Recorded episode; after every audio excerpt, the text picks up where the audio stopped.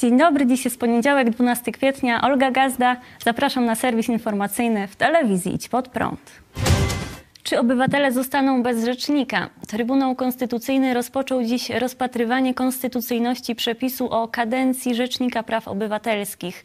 Kadencja obecnego rzecznika Adama Bodnara upłynęła 9 września zeszłego roku, jednak parlament do tej pory nie wybrał jego następcy. Dlatego też Bodnar wciąż pełni swoją funkcję zgodnie z ustawą o RPO, która mówi jasno w artykule trzecim: Dotychczasowy rzecznik pełni swoje obowiązki do czasu objęcia stanowiska przez nowego rzecznika. Nie podoba się to posłom PiS, którzy zaskarżyli ten przepis do Trybunału Konstytucyjnego jeszcze we wrześniu. Rozprawa była przekładana aż dziewięć razy. Ostatecznie rozpoczęła się dzisiaj o godzinie 14. Sędziowie wysłuchali przedstawiciela wnioskodawców posła PiS Marka Asta, przedstawiciela Sejmu posła Arkadiusza Mularczyka, przedstawiciela prokuratora generalnego prokuratora Stanisława Bończaka oraz rzecznika praw obywatelskich Adama Bodnara. Rozprawa będzie kontynuowana jutro od godziny dziewiątej. Adam Bodnar ostrzegał, że jeśli wyrok Trybunału Konstytucyjnego będzie po myśli wnioskodawców, to obywatele de facto stracą prawo skargi do RPO. Sprawę skomentował w piątkowym Idź pod prąd na żywo pastor Paweł Chojecki. W tym procesie, żeby skończyć kadencję pana doktora Bodnara, uczestniczy sam prokurator generalny jako strona. On o to też wnioskuje, czyli widać, że e, Ziobro ma w tym interes. Nie podoba mu się to, e, co robi e, Rzecznik Praw Obywatelskich dr Bodnar. No to znaczy, że normalnym ludziom, obywatelom się powinno się to podobać, no bo już wiemy, jak funkcjonuje... Panu Ziobrze jeszcze za chwilę porozmawiamy Jak funkcjonuje prokuratura pod przewodnictwem pana ministra Ziobry. To jest pierwszy, pierwszy taki jasny czynnik, że Rzecznik Praw Obywatelskich jest osią w gardle, szczególnie Ministerstwa Sprawiedliwości, co jest skandaliczne. No, jak sprawiedliwie postępują, no to, to, to nic im się nie stanie, nie? Także widać, że tutaj chcą coś ukryć. Ekipa rządowa chce coś ukryć i e, tu działania doktora Bodnara bardzo im w tym przeszkadzają. Drugi Taki aspekt, który tu widać wyraźnie, no to, że PiS nie umie rozmawiać. PiS chce wszystkich traktować z buta. To y, parę dni temu mówiłem o takiej blogerce, też aktywnej na Twitterze, pani Katarynie, y, która jeszcze w 2016 roku, y, omawiając, można powiedzieć, zmianę PiSu z tego PiSu, który był w opozycji i który jawił się jako partia antysystemowa, obywatelska, praworządności i tak dalej, sprawiedliwości też, nie? Kiedy doszło do władzy, stało się partią, która wszystkich traktuje z buta i tam pani Kataryna powiedziała, tam komentując działania między innymi pani profesor Pawłowicz, powiedziała, że no PiS przeszedł na taką pozycję, jeśli jesteś z nami, no to jesteś, że tak powiem, dobry, nic, nic ci się nie stanie, chociażbyś nawet przestępstwo przestępstwa. No ona tego nie powiedziała, ale to rozwijam tę myśl, że możesz robić wszystko, nic, włos ci z głowy nie spadnie, ale jeśli nie jesteś z nami, to jesteś naszym wrogiem. Czyli Prawo i Sprawiedliwość stało się taką partią dążącą do jakiejś formy dyktatury. Jakaś taka mentalność plemienna. Totalitaryzmu. Kiedy poznamy raport końcowy podkomisji smoleńskiej? 11 lat po katastrofie rodziny ofiar wyrażają zawód działaniami Antoniego Macierewicza. W sobotę, w 11. rocznicę katastrofy smoleńskiej, Telewizja Republika oraz Telewizja Polska wyemitowały film opisujący ustalenia podkomisji smoleńskiej Antoniego Macierewicza. Według filmu katastrofę spowodowały wybuchy w kadłubie i na skrzydle rządowego samolotu oraz działania rosyjskich kontrolerów. Dowodzą tego m.in. ślady materiałów wybuchowych, heksogenu i trotylu na szczątkach wraku Tupolewa, co potwierdziły trzy zagraniczne laboratoria oraz charakterystyczne dla eksplozji rozmieszczenie szczątków samolotu i ciał ofiar. Samego raportu końcowego jednak wciąż nie opublikowano, choć jego ujawnienie było zapowiadane już wielokrotnie. Dwa lata temu zaprezentowano jedynie raport techniczny – Dziś Antoni Macierewicz w Polskim Radiu stwierdził, iż ma nadzieję, że jeszcze w kwietniu uda się przejść do głosowania nad raportem i przedstawić go. Podobnie jak odsuwana jest publikacja raportu, tak notorycznie przesuwana jest publikacja filmu Ewy Stankiewicz Stan zagrożenia. Film dokumentalny o katastrofie smoleńskiej jest gotowy od roku. Telewizja Polska kilkukrotnie odsuwała jego publikację. Między innymi w styczniu zamiast filmu Stankiewicz pokazano mecz piłkarski, a oświadczenie o odwołaniu premiery wydano już po zapowiadanym wcześniej czasie emisji. Kolejną datą emisji był 10 kwietnia, jednak ze względu na publikację filmu podkomisji smoleńskiej przesunięto premierę filmu Stan zagrożenia na 18 kwietnia. Autorka filmu wyraziła swoje oburzenie na Twitterze. Film piąty raz spadł z anteny na wniosek Antoniego Macierewicza. Zobaczycie komunikat medialny, nie zobaczycie raportu końcowego ani zarzutów prokuratorskich. Ma być cisza nad trumną, napisała Stankiewicz. Zawiedzeni działaniami w sprawie wyjaśniania przyczyn katastrofy smoleńskiej są rodzice zmarłego w katastrofie Przemysława Gosiewskiego. Tego działania nie widać, to są takie slogany, hasła, powiedzenia, to jest bardziej hamowanie niż wyjaśnianie, powiedział Jan Gosiewski w zamieszczonym przez Ewę Stankiewicz fragmencie wywiadu. Jadwiga Gosiewska w wypowiedzi dla Polsat News stwierdziła wprost, że Antoni Macierewicz zawiódł. Jest mi bardzo przykro, że Antoni nas zawiódł w jakiś tam sposób przedłużaniem. Należałoby zmienić przewodniczącego, powiedziała Gosiewska. Magdalena Merta, wdowa po Tomaszu Mercie, wiceministrze kultury, w marcu powiedziała Gazecie Wyborczej, że jest rozczarowana efektami działań podkomisji. Nadzieje, które wiązaliśmy z podkomisją, zostały w dużej mierze zawiedzone. Udało się znacznie mniej niż liczyliśmy, że się uda. Nadzieje, które wiązaliśmy z podkomisją, zostały w dużej mierze zawiedzione. Udało się znacznie mniej niż liczyliśmy, że się uda. Nie jestem jedyną rozczarowaną, bo takich rodzin jak ja jest więcej, powiedziała Magdalena Merta i dodała, że trzeba zarządzić audyt podkomisji smoleńskiej. Podobne zdanie wyraziła Małgorzata Wasserman, córka zmarłego w katastrofie Zbigniewa Wassermana.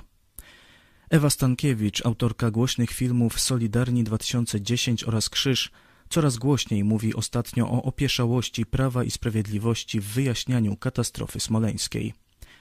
W sobotę wystąpiła podczas marszu upamiętniającego ofiary, który ze względu na pandemię składał się z pięcioosobowych zgromadzeń z zachowaniem dystansu. Stankiewicz zadała szereg pytań Jarosławowi Kaczyńskiemu, Andrzejowi Dudzie i Mateuszowi Morawieckiemu. Zwracam się do prezydenta Andrzeja Dudy. Czy poza upamiętnieniem i celebrowaniem pomników wykazał pan zainteresowanie jakością i skutecznością dochodzeń w sprawie zabicia polskiego prezydenta? Czy zainteresował się pan, jak właściwie prowadzone jest śledztwo? Czy wykorzystał pan wszystkie kanały dyplomatyczne? Co pan zrobił, w strukturach państwa nie były obecne osoby uwikłane w służbę obcym podmiotom?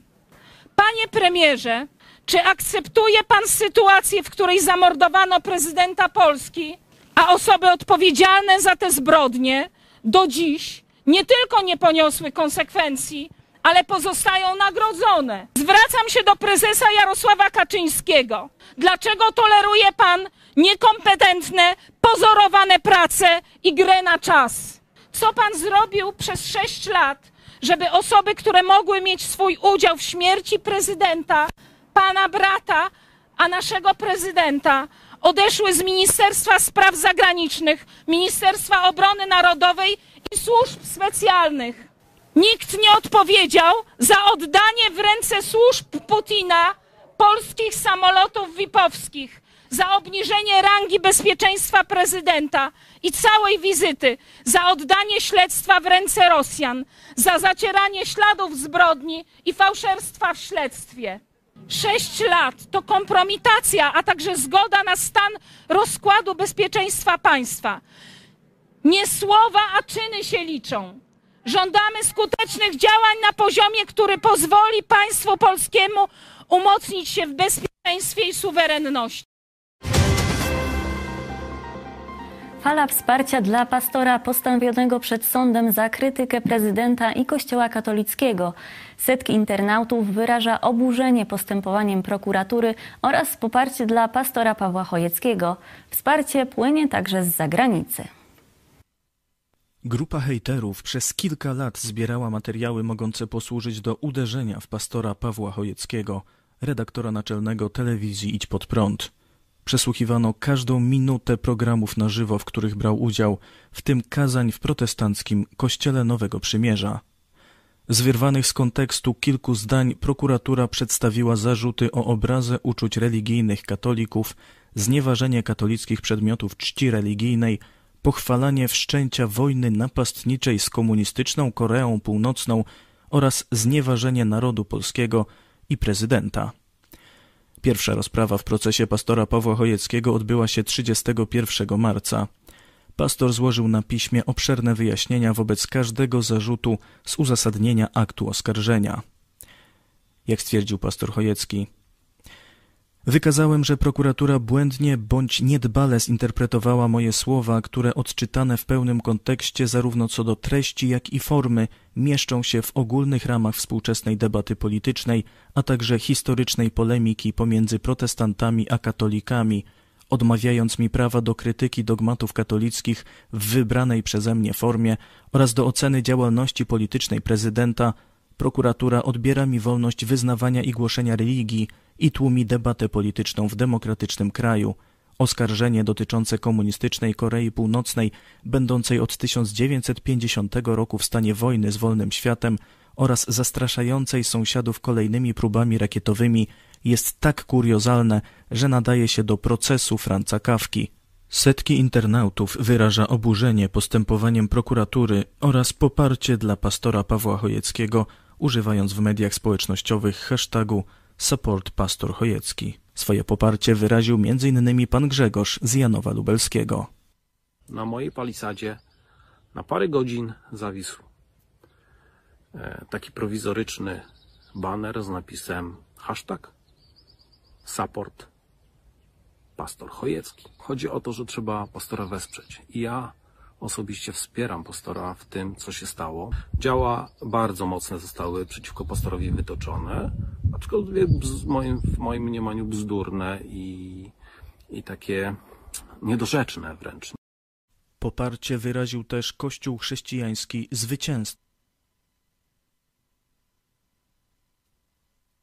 Wsparcie płynie także z zagranicy. Poparcie dla pastora Chojeckiego wyrazili, który w liście skierowanym do sądu stwierdził, że zarzuty skierowane wobec pastora naruszają konstytucyjną wolność słowa.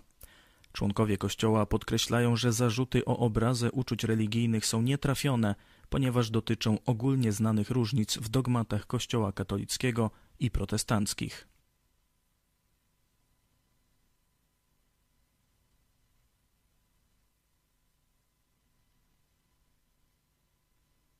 Innymi Solomon Yu, wiceszef Republicans Overseas, organizacji grupującej członków partii republikańskiej mieszkających poza USA, amerykański pastor Bob Kraft, chiński dysydent Chen Guangcheng, założyciel portalu Hong Kong Bilingual News Chapman Chen oraz prowolnościowy ujgurski aktywista, założyciel organizacji Uyghur Aid Halmurat Hari Ujgur. Dokładny opis procesu pastora Chojeckiego i relacje z pierwszej rozprawy znajdą Państwo na stronie idźpodprąd.pl. Kolejna rozprawa ma odbyć się 28 kwietnia w Sądzie Okręgowym w Lublinie.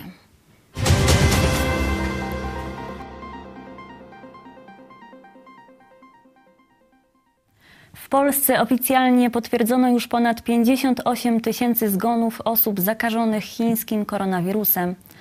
Dane z ostatnich dwóch tygodni są najwyższe od początku epidemii. Resort Zdrowia podał dziś informacje o 61 zgonach i 12 tysiącach zakażeń wirusem w ciągu ostatniej doby. Wczoraj informowano o 245 zgonach, w sobotę o 749, a w piątek o 768. W czwartek resort podał informację o rekordowej liczbie 954 zgonach. Podano jednocześnie, że wysoka dzienna liczba wynika z opóźnień w przekazywaniu danych ze szpitali w okresie świątecznym. W ciągu ostatnich dwóch tygodni z powodu wirusa w Polsce umierało średnio 512 osób dziennie. Liczba łóżek szpitalnych zajętych przez osoby zakażone w ubiegły czwartek wynosiła rekordowe ponad 34 800 tysięcy. Obecnie wynosi 33 990 tysięcy. Dziś padł rekord liczby respiratorów wykorzystywanych do leczenia osób zakażonych. Jest ich ponad 3480. Do tej pory w Polsce wykonano ponad 7 milionów 680 tysięcy szczepień przeciw koronawirusowi. Wczoraj wykonano ich 42 tysiące, w sobotę 147 tysięcy, w piątek 215 tysięcy, a w czwartek rekordowe 254 tysiące. Liczba osób, które otrzymały dwie dawki szczepionki przekroczyła 2 miliony 100 tysięcy. Stwierdzono 5900 przypadków niepożądanych odczynów poszczepiennych. Niemcy rozpoczęły negocjacje z Rosją w sprawie kupna szczepionki przeciw koronawirusowi. Doniesienia potwierdził w czwartek niemiecki minister zdrowia Jens Spahn. Podczas zdalnego posiedzenia ministrów zdrowia na informację o tym, że Unia nie będzie negocjowała z Rosją, Spahn miał powiedzieć: W takim razie rozpoczniemy na własną rękę takie rozmowy. Tymczasem słowacka gazeta Dennik N informuje, że dawki Sputnika dostarczone na Słowację to nie jest ten sam preparat, który jako rosyjską szczepionkę opisało naukowe czasopismo Lancet. Gazeta powołała się przy tym na raport Państwowego Urzędu Kontroli Leków i Ministerstwa Zdrowia i stwierdziła, że szczepionka, która trafiła na Słowację, różni się także od preparatu dostarczanego przez Rosję do innych państw. Bye. Artykułu dennika Rosja zażądała zwrotu 200 tysięcy przekazanych dawek, stwierdzając, że badając próbki w Centrum Biomedycyny Słowackiej Akademii Nauk, Bratysława złamała umowę handlową, ponieważ w placówkach tego typu można badać tylko preparaty zatwierdzone przez Unię Europejską. Przedstawiciele centrum stwierdzili, że Moskwa przekazała zaledwie 20% dokumentacji potrzebnej do ewaluacji Sputnika V. Wielka Brytania ogłosiła, że szczepionkę przeciw koronawirusowi otrzymało już ponad 60% dorosłych obywateli. Według władz brytyjskich próg 32 milionów zaszczepionych osób przekroczono 6 dni przed terminem. Obie dawki szczepionki otrzymało tam już 7 milionów osób. Wczoraj rząd Wielkiej Brytanii przekazał informacje o siedmiu zgonach z powodu chińskiego koronawirusa w ciągu doby. To najniższy wynik od września. Wielka Brytania od dzisiaj otwiera puby i restauracje, a także niektóre punkty usługowe i sklepy sprzedające produkty, które nie są uważane za produkty pierwszej potrzeby. Stany Zjednoczone wyślą okręty wojenne na Morze Czarne. Decyzja o tym zapadła w odpowiedzi na gromadzenie się wojsk rosyjskich przy granicy z Ukrainą. Jak powiedziała Jen Psaki, rzeczniczka Białego Domu, Stany Zjednoczone są coraz bardziej zaniepokojone eskalacją rosyjskiej agresji na wschodniej Ukrainie, w tym ruchami wojsk wzdłuż granicy. Rosja skoncentrowała na ukraińskiej granicy więcej sił niż miało to miejsce kiedykolwiek po 2014 roku. Tylko w tym tygodniu zginęło pięciu ukraińskich żołnierzy. Turcja, która kontroluje cieśninę Bosfor, potwierdziła w piątek, że Stany Zjednoczone poinformowały Ankarę o wysłaniu okrętów. Według Ministerstwa Spraw Zagranicznych Turcji mają one zostać na Morzu Czarnym do 4 maja. Administracja Joe Bidena oskarża komunistyczne Chiny o rozpowszechnianie pandemii koronawirusa. Sekretarz stanu USA Antony Blinken oświadczył w niedzielę, że to błędy rządu chińskiego w pierwszych tygodniach epidemii COVID-19 doprowadziły do tego, że sytuacja wymknęła się spod kontroli. Myślę, że Chiny wiedzą, iż na wczesnych etapach epidemii COVID-19 nie zrobiły tego, co trzeba było zrobić, czyli umożliwić dostęp międzynarodowym ekspertom, dzielić się informacjami, zapewnić prawdziwą przejrzystość, stwierdził szef amerykańskiej dyplomacji.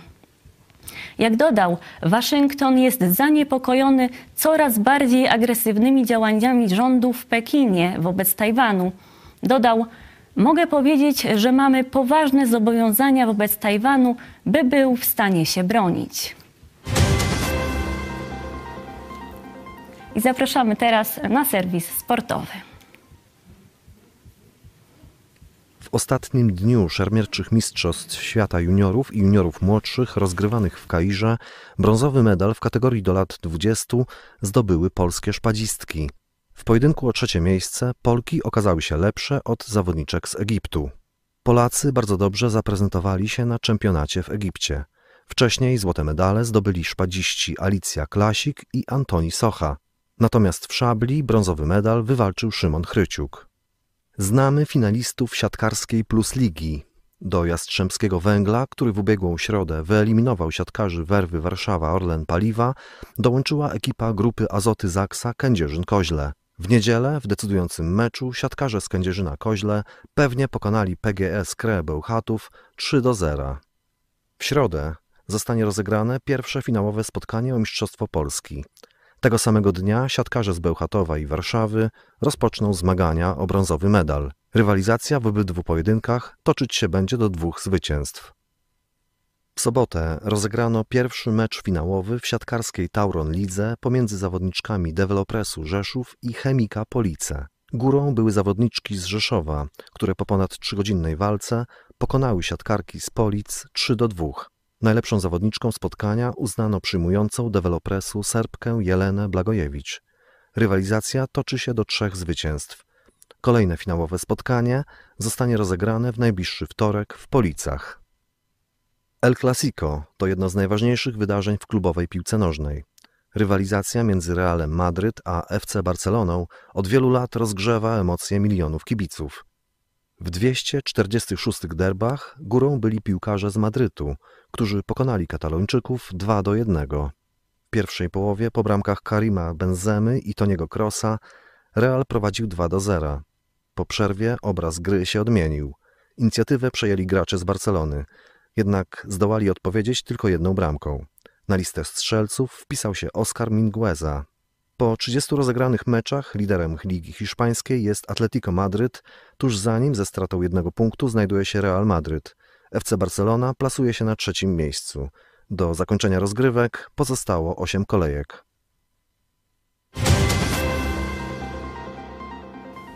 I to już wszystkie informacje przygotowane w dniu dzisiejszym. Bardzo dziękuję za uwagę i do zobaczenia.